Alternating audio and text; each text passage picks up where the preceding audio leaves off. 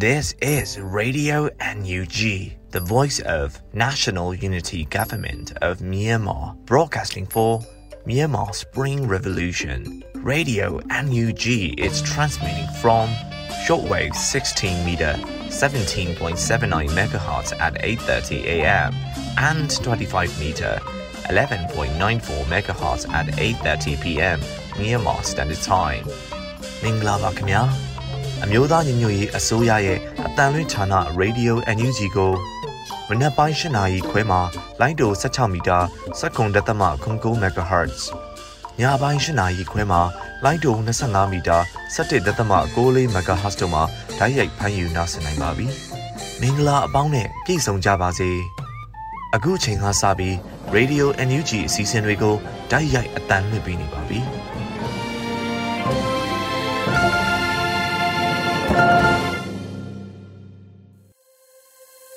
မြန်မာနိုင်ငံသူနိုင်ငံသားအပေါင်းတပါဝပြီးစစ်အာဏာရှင်ဘေးရောကနေကင်းဝေးပြီးကိုစိတ်နှပါကြမ်းမလုံးခြုံပေးကင်းကြပါစေလို့ရေဒီယို UNG အဖွဲ့သားများက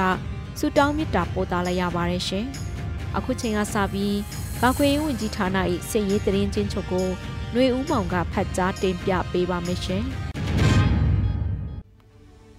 ယခုဆက်လက်ပြီးတင်ဆက်ပေးမှာကတော့ကာကွယ်ရေးဝန်ကြီးဌာနအမျိုးသားညီညွတ်ရေးအစိုးရမှထုတ်ဝေသောနိုင်စဉ်စီရေးတရင်အချင်းချုပ်ပဲဖြစ်ပါတယ်။ကျွန်တော်ကတော့ຫນွေဦးမောင်ပါခင်ဗျာ။နိုင်စဉ်စီရေးတရင်အချင်းချုပ်ကိုတင်ဆက်ပေးပါတော့မယ်။စစ်ကောင်စီတပ်သားကြဆုံ9ဦးစစ်ကောင်စီတပ်သားဒဏ်ရာရ2ဦးစစ်ကောင်စီနဲ့တိုက်ပွဲဖြစ်ပွားမှုတရင်များကိုတင်ဆက်ပေးပါမယ်။မင်းနီကရားပြည်နယ်တွင်ဇူလိုင်လ18ရက်နေ့မနက်10:00နာရီခန့်ကဓမော့ဆုံမြို့နယ်ကုန်းသာရွာတွင်တပ်ဆွဲနေသောစစ်ကောင်စီတပ်များနှင့်ကရင်နီတော်လှန်ရေးတပ်ပေါင်းစု KRU တပ်ဖွဲ့တို့မိနစ်30ကြာထိတွေ့တိုက်ပွဲဖြစ်ပွားခဲ့ရာစစ်ကောင်စီတပ်သားများထိခိုက်မှုများပြားခဲ့ပြီးပြည်သူ့ကာကွယ်ရေးရဲဘော်တို့ပြင်းထန်စွာဒဏ်ရာရရှိခဲ့ကြောင်းသိရပါတယ်။စကိုင်းတိုင်းတွင်ဇူလိုင်လ19ရက်နေ့မနက်10:30ခန်းက စကိုင်းမြို့နယ်အုံတော်ကျေးရွာနှင့်နက်ခရိုင်ကျေးရွာကြားတပ်မ33မှထွက်လာသောစစ်ကောင်စီတံပြားကကားနှစ်စီးကိုပြည်သူ့ကာကွယ်ရေးတပ်ဖွဲ့မှမိုင်းဆွဲတိုက်ခတ်ခဲ့ရာစစ်ကောင်စီတံပြားကကားတစ်စီးကိုတက်တက်ထိမှန်ခဲ့သည်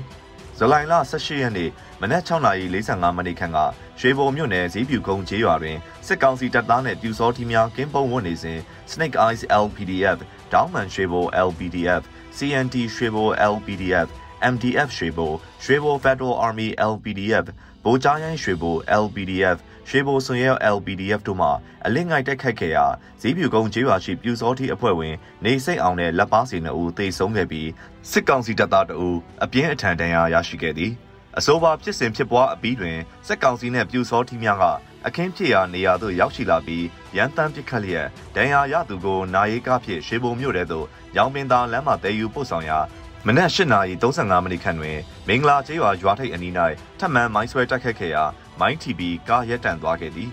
မကွေးတိုင်းတွင်ဇူလိုင်လ18ရက်နေ့နေ့လယ်2နာရီခွဲခန့်ကစိတ်ဖြူမြို့နယ်အနောက်ပိုင်းစိတ်ဖြူဒေသကာကွယ်ရေးတပ်ဘာမတီရှိရာနေမြေသို့စစ်ကြောင်းထုတ်ခဲ့သောစစ်ကောင်စီစစ်ကြောင်းမှာစောစိတ်ဖြူလမ်းပိုင်းမိုင်းတိုင်း44တထေးလမ်းခွဲသို့အင်အား200ခန့်ဖြင့်စစ်ကြောင်းထုတ်ဝင်ရောက်လာစဉ်လောင်းရှည်ပြည်သူ့ကာကွယ်ရေးအဖွဲ့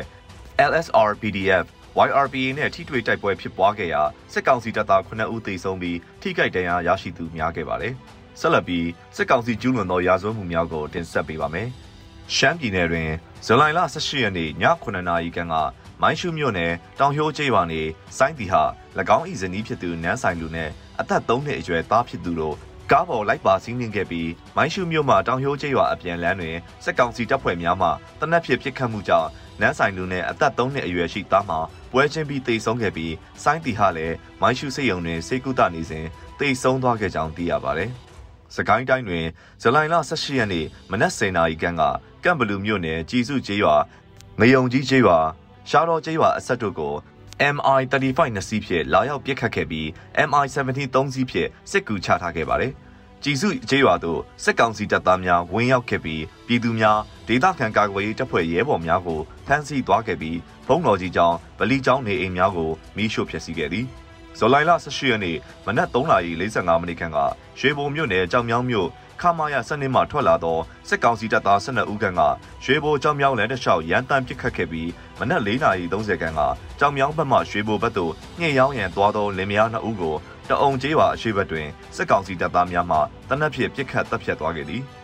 မကွေးတိုင်းတွင်ဇူလိုင်လ18ရက်နေ့ကဝစ်ဖြူမြို့နယ်ကလာဟောင်းကျောင်းအောင်ဆီယာမှဒေါ်တင်တင်ဝေ CDM ဝန်ထမ်းကိုစစ်ကောင်စီနှင့်လက်နက်ကင်အရက်ဝတ်များကလာရောက်ဖမ်းဆီးသွားခဲ့သည်။တနင်္သာရီတိုင်းတွင်ဇူလိုင်လ19ရက်နေ့မနက်6နာရီခန့်ကပလောမြို့နယ်ခလာရ285တိုင်ရင်မှလက်နက်ကြီး၃ချက်ပစ်ခတ်ခဲ့ရာကျောင်းနဲ့ရွာထဲသို့ကျသဖြင့်ပြည်သူတို့သေဆုံးခဲ့သည်။ ဇွန်လ18ရက်နေ့မနက်8:30ခန်းကဘုံပြင်းမြို့နယ်တောင်ဝိုင်းမော်ကျေးရွာသားအချို့ကို PDF နဲ့အဆက်အသွယ်ရှိသည်ဟုဆိုကာစစ်ကောင်စီတပ်သားများမှဖမ်းဆီးသွားခဲ့ပြီးကြန့်ရှိသည့်ရွာသူရွာသားများရှောင်တိန်နေရသည်ရန်ကုန်တိုင်းတွင်ဇူလိုင်လ19ရက်နေ့ကတာကေတာမြို့နယ်မိုက်တောင်တာဝါတိုင်းပောက်ကွဲမှုနှင့်ဆက်လင်း၍အနီးအနားနေပြည်သူတို့ကိုစစ်ကောင်စီအဖွဲ့ဝင်များမှဖမ်းဆီးခဲ့သည်။ ဇူလိုင်လ18ရက်နေ့ည7:00နာရီခန့်ကလိုင်းတာယာမြို့နယ်ကျန်းစစ်သားလမ်းမကြီးရွှေလင်ပန်းတရားအဆင့်တွင်စစ်ကောင်စီအဖွဲ့ဝင်များမှစိုက်ကယ်တစ်စီးကိုစစ်ဆေးရန်ရက်ခိုင်းရာတွင်မရက်ပေးဟုဆို၍လိုက်လံပစ်ခတ်ခဲ့ရာလိုက်ပါလာသူကိုဝင်းရန်နှင့်ကိုတိုးကြီးနှစ်ဦးသေဆုံးသွားပြီးတဦးထွက်ပြေးလွတ်မြောက်သွားခဲ့သည်ယခုတင်ဆက်ပေးခဲ့တာကတော့ကာကွယ်ရေးဝန်ကြီးဌာနအမျိုးသားညီညွတ်ရေးအစိုးရမှထုတ်ဝေသောနိုင်စင်စီရေးတရင်အချင်းချုပ်ပဲဖြစ်ပါတယ်။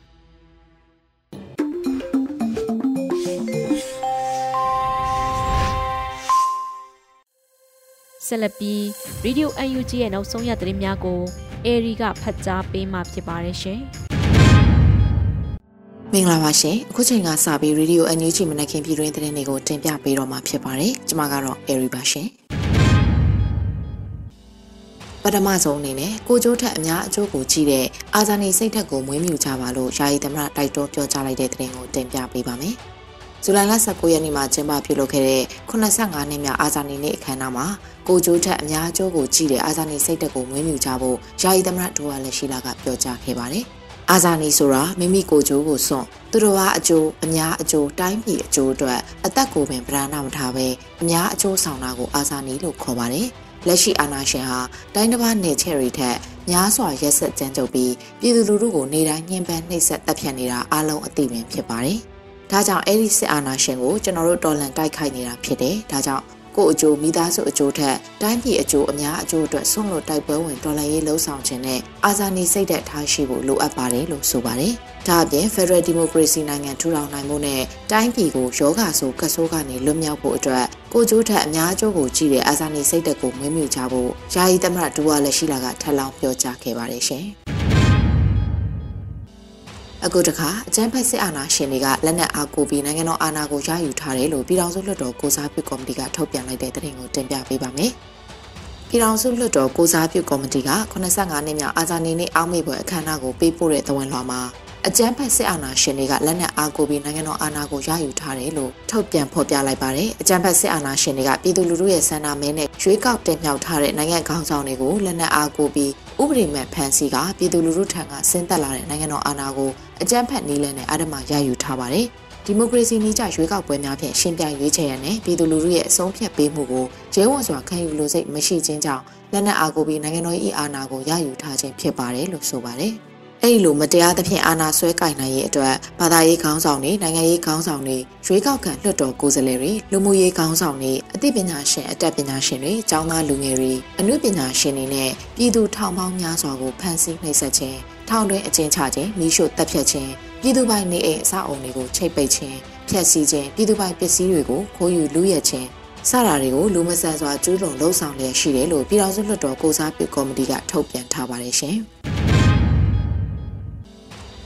ဆက်လက်ပြီးသွေးစည်းညီညွတ်မှုနဲ့သာစစ်အာဏာရှင်တွေကိုအမြင့်ပြတ်ချိန်မုံနိုင်မှာဖြစ်တယ်လို့ပြည်ထောင်စုလွှတ်တော်ကိုစားပြုကော်မတီဥက္ကဋ္ဌပြောဆိုလိုက်တဲ့သတင်းကိုတင်ပြပေးပါမယ်။သွေးစည်းညီညွတ်မှုနဲ့သာစစ်အာဏာရှင်တွေကိုအမြင့်ပြတ်ချိန်မုံနိုင်မှာဖြစ်တယ်လို့ပြည်ထောင်စုလွှတ်တော်ကိုစားပြုကော်မတီဥက္ကဋ္ဌဦးအောင်ကြည်ညွန့်က85နှစ်မြောက်အာဇာနည်နေ့အောက်မေ့ပွဲအခမ်းအနားမှာထည့်သွင်းပြောကြားခဲ့ပါတယ်။ယနေ့နိုင်ငံရေးအခင်းအကျင်းအရမိမိတို့တိုင်းသားညီကိုမောင်နှမများအကြားပုံမစည်းလုံးညီညွတ်စွာနဲ့လက်တွဲညီညီရှောက်လန်းကြမယ်ဆိုရင် မိမိတို့ရဲ့ခီးပန်းနိုင်စီအမြန်ရောက်ရှိနိုင်မှာဖြစ်ပါတယ်။အပြန်လည်နားလည်မှုတွေတိစောက်နိုင်မှုဗတ်ပေါင်းဆောင်ကသဘောထားကြီးစွာအမျှော်မြင်ကြီးစွာကြိုးပမ်းကြဖို့လိုပါတယ်။သွေးစည်းညီညွတ်မှုဖြင့်သာစစ်အာဏာရှင်တွေကိုအမြင့်ပြည့်ချိန်မုံနိုင်မှာဖြစ်ပါတယ်လို့ CRPH ဥက္ကဋ္ဌကဆိုပါတယ်။2021ခုနှစ်စက်တင်ဘာလ9ရက်နေ့မှာစစ်ကောင်စီတပ်တွေကိုခုခံတွန်းလှန်မှုအမျိုးသားညီညွတ်ရေးအစိုးရဟာကြေညာခဲ့ပြီးလက်ရှိမှာတိုင်းရင်းသားတော်လှန်ရေးအင်အားစုတွေနဲ့ညှိနှိုင်းပူးပေါင်းလှုပ်ဆောင်နေတာတွေရှိပါတယ်။ ဆရာနာရှင်တို့ကလှည့်စားသွေးခွဲရန်ကြံစီဖျားရောက်နေတော့လေမိမိတို့တော်လိုင်းရင်အင်အားစုတိုင်းသားညီကိုမောင်နှမများကပုံမှုစည်းလုံးစွာခိုင်မြဲသောထာဝရတွဲလက်များဖြင့်ရှောက်လန်းကြဖို့အထူးတိုက်တွန်းမြစ်တာရက်ခံပါတယ်လို့ပြည်ထောင်စုလွှတ်တော်ကိုစားပြုကော်မတီဥက္ကဋ္ဌဦးအောင်ကြည်ညွန့်ကထပ်လောင်းပြောကြားခဲ့ပါတယ်ရှင်။ ဆက်လက်ပြီးအသွင်ကူးပြောင်းရေးကာလဖွဲ့စည်းပုံအခြေခံဥပဒေတရက်ကိုအများဆုံးရေးဆွဲပြဋ္ဌာန်းမှုကော်မတီတရက်ဖွဲ့စည်းပြီးပြင်ဆင်မှုအမျိုးမျိုးပြုလုပ်နေပြီလို့ Federal ရေးရာဝန်ကြီးအသိပေးလိုက်တဲ့သတင်းကိုတင်ပြပေးပါမယ်။အသွင်ကူးပြောင်းရေးကာလဖွဲ့စည်းပုံအခြေခံဥပဒေတရက်ကိုအမြန်ဆုံးရေးဆွဲပြဋ္ဌာန်းမှုကော်မတီတရက်ဖွဲ့စည်းပြီးပြင်ဆင်မှုအမျိုးမျိုးပြုလုပ်နေပြီလို့ Federal ရေးရာဝန်ကြီးဒေါက်တာလျက်မုံဆက်ခေါင်က85နှစ်မြောက်အာဇာနည်နေ့အားမေ့ပွဲအခမ်းအနားမှာပြောကြားခဲ့ပါတယ်။ ဗိုလ်ချုပ်ဆန်းကိုယ်တိုင်လှုပ်ကြံခြင်းခံခဲ့ရလို့သူကိုယ်တိုင်အဆုံးထိမတက်ရောက်နိုင်ခဲ့တဲ့တိုင်းပြုပြည်ပြုလွတ်တော်ကဲ့သို့သောတိုင်းပြုပြည်ပြုညီလာခံကြီးတရက်ကိုပြန်လည်ခေါ်ယူခြင်းပါပြီးအနာဂတ် Federal Democracy ပြည်အောင်စုဖွဲ့စည်းပုံအခြေခံဥပဒေတရက်ကိုအကောင်းဆုံးရေးဆွဲပြဋ္ဌာန်းမှု Federal Democracy ပြည်ညင်မှာပါတဲ့လမ်းပြမြေပုံအတိုင်းကျွန်တော်တို့ပြင်ဆင်နေပါတယ်။ဒါနဲ့မကဘူး CRPH NUG နဲ့ NUCC တို့ပူးပေါင်းပြီးအသွင်ကူးပြောင်းရေးကာလဖွဲ့စည်းပုံအခြေခံဥပဒေတရက်ကိုလည်း အမြန်ဆုံးရေးဆွဲပြဋ္ဌာန်းမှုကော်မတီတရက်ဖွဲ့စည်းပြီးပြင်ဆင်မှုအမျိုးမျိုးပြုလုပ်နေပါတယ်လို့ဝန်ကြီးကဆိုပါတယ်။ဒါအပြင်တမိုင်းမှာဘလို့ပဲမှားခဲ့စေကမူနှွေဦးတော်လှန်ရေးကနေစပြီးမှားယွင်းမှုအလုံးကိုပြင်ဆင်သွားကြရမှာဖြစ်ပြီးတမိုင်းကိုအသက်ဖန်တီးရမယ်လို့ဖက်ဒရယ်ရေးရာဝန်ကြီးကထပ်လောင်းပြောကြားခဲ့ပါတယ်ရှင်။ဆက်လက်ပြီးအမျိုးသားညီညွတ်ရေးအစိုးရလူသားချင်းစာနာထောက်ထားရေးနဲ့ဘေးရန်ရေးဆိုင်ရာစီမံခန့်ခွဲရေးဝန်ကြီးဌာနကလူသားချင်းစာနာမှုအကူအညီ ဝေချက်တန်း200ကျော်ထောက်ပံ့ပေးနိုင်ခဲ့တဲ့ဆိုတဲ့သတင်းကိုတင်ပြပေးပါမယ်။အမျိုးသားညီညွတ်ရေးအစိုးရလူသားချင်းစာနာထောက်ထားရေးနဲ့ဘေးရန်ရေးဆိုင်ရာစီမံခန့်ခွဲရေးဝန်ကြီးဌာနက2022ခုနှစ်ဇွန်လအတွင်းမှာလူသားချင်းစာနာမှုအကူအညီငွေကျပ်223.64တန်းကိုကူညီထောက်ပံ့ပေးနိုင်ခဲ့တယ်လို့သိရှိရပါတယ်။ အာနာသိန်းအကြံဖက်စစ်တပ်ရဲ့ထိုးစစ်ဆင်တိုက်ခိုက်မှုတွေကြောင့်ဘေးလွတ်မဲ့နေရာတွေကိုထွက်ပြေးခိုလုံနေကြရတဲ့ပြည်သူတွေတော်လှန်ရေးမှာပါဝင်ရင်ထိခိုက်ဒဏ်ရာရရှိခဲ့သူတွေနဲ့အသက်ဆုံးရှုံးခဲ့ရသူတွေရဲ့မိသားစုဝင်တွေအကူအညီလိုအပ်နေတဲ့မတန်ဆွမ်းသူတွေအပါအဝင်ထိခိုက်လွယ်အုပ်စုတွေအကြောင်းကိစ္စအမျိုးမျိုးကြောင့်လူသားချင်းစာနာမှုအကူအညီလိုအပ်နေသူတွေကိုအမျိုးသားညီညွတ်ရေးအစိုးရလူသားချင်းစာနာထောက်ထားရေးနဲ့ဘေးရန်နေဆိုင်ရာစီမံခန့်ခွဲရေးဝန်ကြီးဌာနက မိဖက်အသီးသီးနဲ့လက်တွဲချိတ်ဆက်ပြီးအတက်နိုင်ဆုံးမြေပြင်အထိရောက်အောင်စ조사ပံ့ပိုးကူညီပေးလျက်ရှိပါတယ်။ထောက်ပံ့မှုတွေကိုစစ်တပ်ရဲ့အတားအဆီးအမျိုးမျိုးကြားကနေဘေးဒုက္ခခံစားနေကြရတဲ့ပြည်သူတွေလက်ဝဲအရောက်စီစဉ်ဆောင်ရွက်ပေးခဲ့ကြတဲ့ဒေသခံမိဖက်အဖွဲ့အစည်းတွေကိုယ်စားလှယ်တွေစေတနာဝန်ထမ်းပြည်သူတွေနဲ့ထောက်ပံ့မှုရမုံငွေအတွက်လူရန်ပေးလျက်ရှိကြတဲ့ပြည်သူတွေကိုအထူးကျေးဇူးတင်ရှိပါတယ်လို့လည်းဖော်ပြထားပါတယ်ရှင်။ ဆက်လက်ပြီးအမျိုးသမီးလူငယ်နဲ့ကလေးငယ်ရေးရာဝန်ကြီးဌာနရမုံငွေရှာဖွေရေးလေးလံရောင်းချပွဲမှာ Recycle Shopping Bags တွေကိုအမြင့်ဆုံးကျပ်ငွေ10သိန်းနဲ့ဝယ်ယူအားပေးခဲ့တဲ့အတွက်စစ်ပေးတဲ့ဒေသမှာရှိတဲ့ကိုဝန်ဆောင်မိခင်တွေအတွက်ပြန်လည်အသုံးပြုသွားမယ်ဆိုတဲ့သတင်းကိုတင်ပြပေးပါမယ်။ဇူလိုင်လ19ရက်နေ့မှာလူမှုကွန်ရက်ကနေတဆင့်ဝင်ကြီးနော်ဆူဇနာလှလှဆိုးကရေးသားပြောကြားခဲ့ရမှာအမျိုးသမီးလူငယ်နဲ့ကလေးငယ်ရေးရာဝင်ကြီးဌာနရဲ့ရမုံငွေရှာဖွေရေးလေးလံရောင်းချပွဲမှာ Recycle Shopping Bags တွေကို အမြင့်ဆုံးကျပ်ငွေ10သိန်းနဲ့ဝယ်ယူအားပေးခဲ့လို့ရရှိငွေတွေကိုစစ်ဘေးသင့်ဒေသမှာရှိတဲ့ကိုဝန်ဆောင်မိခင်တွေအတွက်အသုံးပြုသွားမယ်လို့ဆိုပါတယ်။ကျမတို့ရဲ့အမျိုးသမီးလူငယ်နဲ့ကလေးငယ်ရေးရာဝန်ကြီးဌာနရဲ့ရမုံငွေရှာဖွေရေးလေးလံရောင်းချပွဲမှာဝန်ကြီးကိုယ်တိုင်ဖန်တီးထားတဲ့ recycle shopping bags လေးတွေကိုအမြင့်ဆုံးကျပ်ငွေ10သိန်းနဲ့ဝယ်ယူအားပေးကြတဲ့ပြည်သူတွေကိုအထူးပဲကျေးဇူးတင်ရှိပါတယ်။ ရရှိလာတဲ့အလှငွေတွေကိုစစ်ပေးတဲ့ဒေတာမှာရှိတဲ့ကိုယ်ဆောင်မိခင်တွေအတွက်အသုံးပြုသွားမှာဖြစ်ပါတယ်လို့ဆိုပါတယ်။ဒါအပြင်လေးလံရောင်းချပွဲကိုဦးဆောင်ပေးခဲ့တဲ့ဒုဝန်ကြီးအီတင်ဆောင်မောင်ကိုလည်းကျေးဇူးတင်ဂုဏ်ပြုအပ်ပါတယ်လို့ဝန်ကြီးကပြောဆိုထားပါတယ်ရှင်။အခုတခါကြောက်ဆယ်ခရိုင်အတွင်း CDM ကျောင်းဆရာဆရာမတွေနေထိုင်ရေးခက်ခဲမှုရှိတယ်ဆိုရင်အကူအညီပေးသွားမယ်ဆိုတဲ့သတင်းကိုတင်ပြပေးပါမယ်။ ဇူလိုင်လအတွင်းမှာကြောက်ဆယ်မြို့နယ်ပြည်သူ့အုပ်ချုပ်ရေးဖော်ဆောင်မှုကော်မတီရဲ့ဖော်ပြချက်အရကြောက်ဆယ်ခရိုင်အတွင်း CDM ကျောင်းဆရာဆရာမတွေနေထိုင်ရေးအခက်အခဲရှိရင်ကူညီမယ်လို့ဆိုပါတယ်။ကျောက်ဆယ်ခရိုင်အတွင်းမှာလုံခြုံရေးအရာနေထိုင်ရေးခက်ခဲတဲ့ဆရာဆရာမတွေကိုအကူအညီပေးသွားပါမယ်လို့ဖော်ပြထားပါတယ်။မြို့နယ်ပြည်သူ့အုပ်ချုပ်ရေးဖော်ဆောင်မှုကော်မတီကျောက်ဆယ်ဟာကျောက်ဆယ်မြို့နယ်အတွင်းရှိအခြေခံပညာကျောင်းသားကျောင်းသူတွေအတွက်အွန်လိုင်းအခမဲ့သင်တန်းကျောင်းစတင်ဖွင့်လှစ်နိုင်ဖို့စ조사နေတဲ့ကော်မတီလည်းဖြစ်ပါတယ်ရှင်။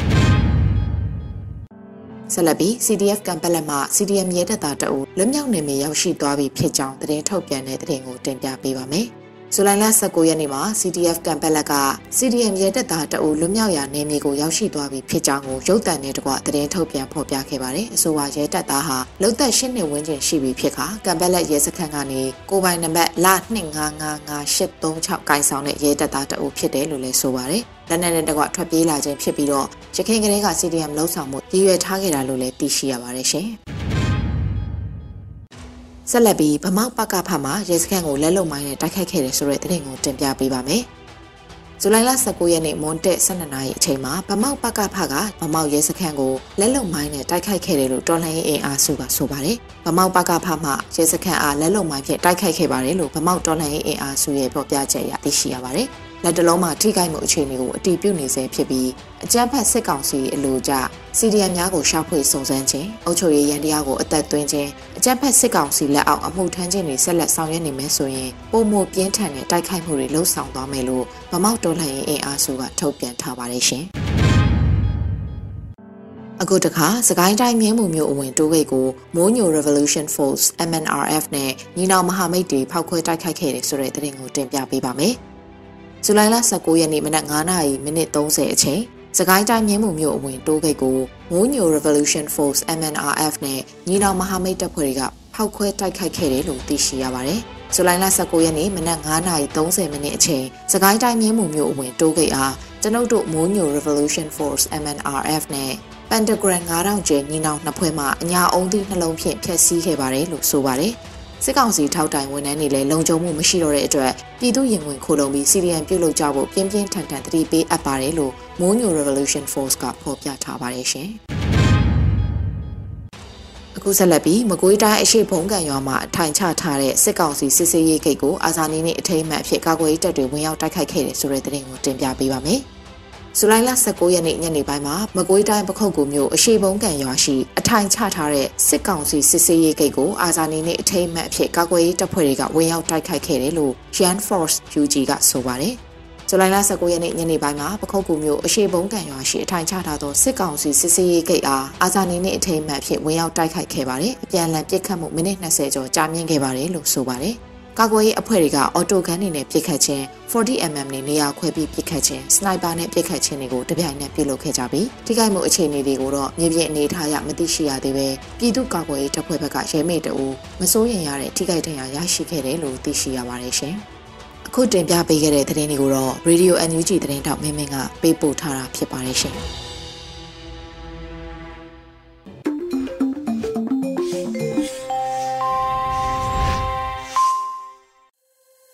Radio UNG ရဲ့နောက်ဆုံးရသတင်းများကိုနားဆင်ကြရတာဖြစ်ပါတယ်။ဆက်လက်ပြီး Radio UNG ရဲ့တော်လှန်ရေးတေးဂီတစီစဉ်ကနေတော်လှန်နေစေဆိုတဲ့တခြင်းတစ်ပုဒ်ကိုနားဆင်ရမှာဖြစ်ပါတယ်။ကိုရေးရေးဖွဲ့ထားပြီးမြင့်မြက်ကတီးဆိုပေးထားပါတယ်ရှင်။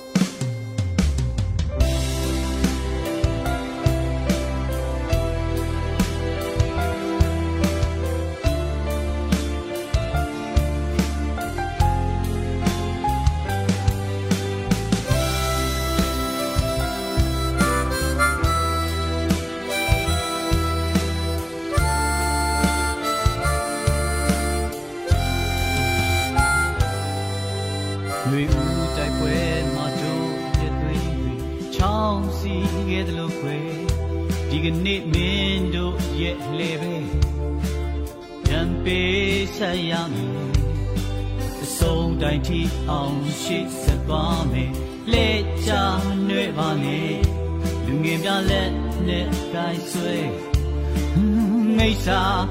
မြင်ွယ်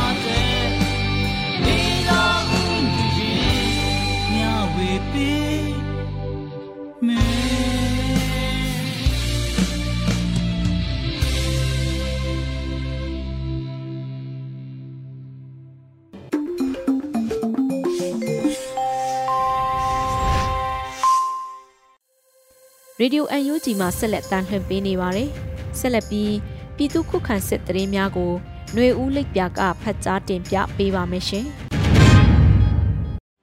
ပထမဦးစွာမောင်တော်ရှိစစ်ကောင်စီတပ်ကိုအေအေကတိုက်ခိုက်ရဲမှုတအူအလက်နက်ချအញ្ញံခံမှုအပါအဝင်14ဦးဖမ်းမိပြီးလက်နက်ခဲယမ်းများတင်ဆက်ရမိတဲ့တရင်တင်ဆက်ပါမယ်။ရခိုင်ပြည်နယ်မောင်တော်ရှိစစ်ကောင်စီတပ်ကိုအေအေကယနေ့တိုက်ခိုက်ရာ ရဲမှုတအူလက်နက်ချအညံခတ်မှုအပါအဝင်14ဦးဖမ်းမိကြောင်းလက်နက်26လက်လက်နက်ခဲယမ်းများတင်ဆက်ရမိကြောင်း Arkan Princess Media ၏သတင်းဖော်ပြချက်အရ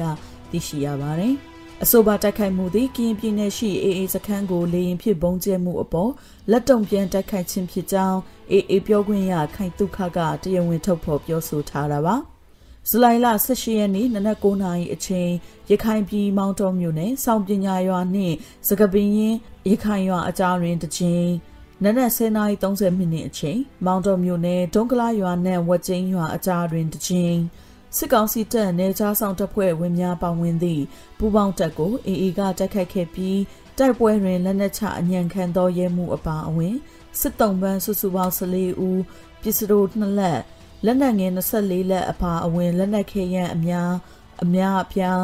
စစ်သုံးဆောင်ပစ္စည်းများကိုတင်ဆက်ရမိသည်ဟုသိရှိရပါတယ်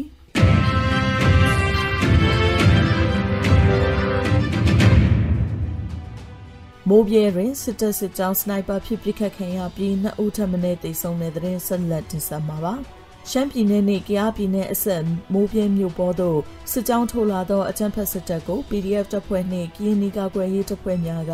ဇူလိုင်လ18ရက်နေ့တွင်စနိုက်ပါများဖြင့်ပစ်ခတ်တိုက်ခိုက်ခဲ့ခြင်းကြောင့်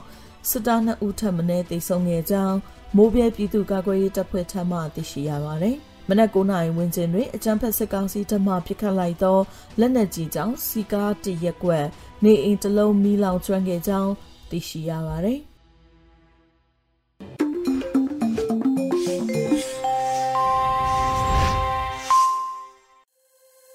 ဆက်လက်ပြီးတော့ PPTV ရဲ့နေ့စဉ်သတင်းများကိုထက်ထက်အင်ဒရာအောင်ကဖတ်ကြားပေးမှာဖြစ်ပါတယ်ရှင်။